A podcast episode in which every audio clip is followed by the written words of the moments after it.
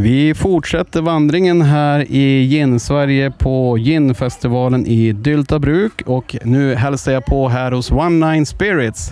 Tjenare Dan Magnus, du har ju varit med tidigare i Ginpodden. Hur är läget? Allt är bara bra. Det är underbart att kunna få eh, duka fram sina läckerheter här och eh, ja, fresta publiken med lite godsaker. Ja, men det förstår jag. Och eh, för de som inte känner till er sedan tidigare, skulle du vilja ge lite en sån här kortis om vilka ni är? Ja, men vi har ju hållit på eh, som mikrobryggeri i eh, lite drygt tio år nu då och sedan sen 2017 så lanserade vi första spritprodukterna. Vi har haft gin i sortimentet sedan, oj nu måste jag tänka också, 2020 tror jag det var, vi precis pandemiåret där. Och, så nu har vi tre stycken sorts gin med oss och lite likörer har vi också lyckats skrapa ihop. Så vi destillerar ju och brygger, det är vår vår verklighet. Då. Kan du berätta lite grann om vilka gin och vilka produkter vi möts av här hos er? Ja, vi har valt att ta med eh, alla våra ginsorter. Då. Det är ju de tre. Då. Blekinge gin heter en. Det är en eh, dry gin, alltså en London dry gin. Vi har en som eh, tidigare varit känd som Blekinge Spring Gin som nu heter Flora.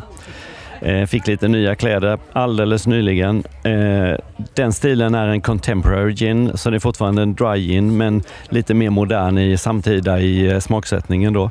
Floral eftersom eh, ja, vi vill lyfta fram den typen av eh, smaker i den som passar i den typen av, när man vill ha det i drinken. Då. Sen har vi en eh, fatlagrad gin. Den kommer att dyka upp till och från. Just nu så fanns det, jag kikade i morse på vårt lager, det fanns nog ungefär 40 kolli kvar, det vill säga inte jättemycket. Eh, den heter Oak, fatlagrad på bourbonfat och den kommer ju dyka upp när det smakar rätt om man får säga så. Och då eh, buteljerar vi upp och sen så, eh, ja, så ja, allt eftersom så bränner vi och fatlagrar. Men, men det är väl en egen också? Det är väl inte någon som ni bara... Alltså det är inte en vanlig Blekinge som ni har nej, lagt på nej. fat, utan det här är väl med, med timmutpeppar och lite sånt där? Ja, lite, lite mer hög eh, timmut eh, eller vad man ska säga i smakprofilen på den där. Som då eh, vi tycker passar bra med eh, bourbon. Bourbonfaten ger ju det här typiska vaniljigt. Jag brukar säga ibland lite cornflakes-hållet, lite, sö, lite, lite, söta eh, toner, lite majsigt och så vidare från, från bourbonen. Då. Men, men ek, vanilj typiskt då. Och det tycker vi passar jättebra med eh, grapefrukttonerna som blir från eh, timotpeppar. Sen har vi tagit med två eh, likörer, två eh, produkter som vi har gjort tillsammans med Emil Oreng, bartenderprofilen från eh, Facit Bar i Umeå.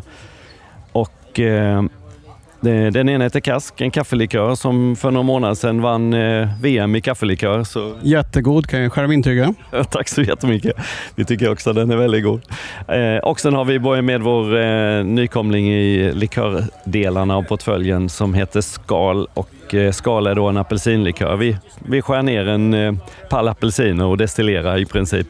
Så får vi och sen så eh, sötar vi den eh, efteråt och ja, spär ner den till rätt eh, eh, procenthalt och söta den. Så eh, det är i princip eh, ja, apelsiner i en flaska med, sprit, med spritinnehåll. Så otroligt eh, citrusfräsch blir den där. Då. Ja, jättekul att få höra lite mer och jag hoppas att ni får framgång här under festivalen. Kul att ses i verkligheten också. Ja, helt otroligt. Det finns människor bakom rösterna och de här Zoom-mötena. Så jättekul att ses. Otroligt roligt. Ja, jag håller med. Tack så mycket. Tack.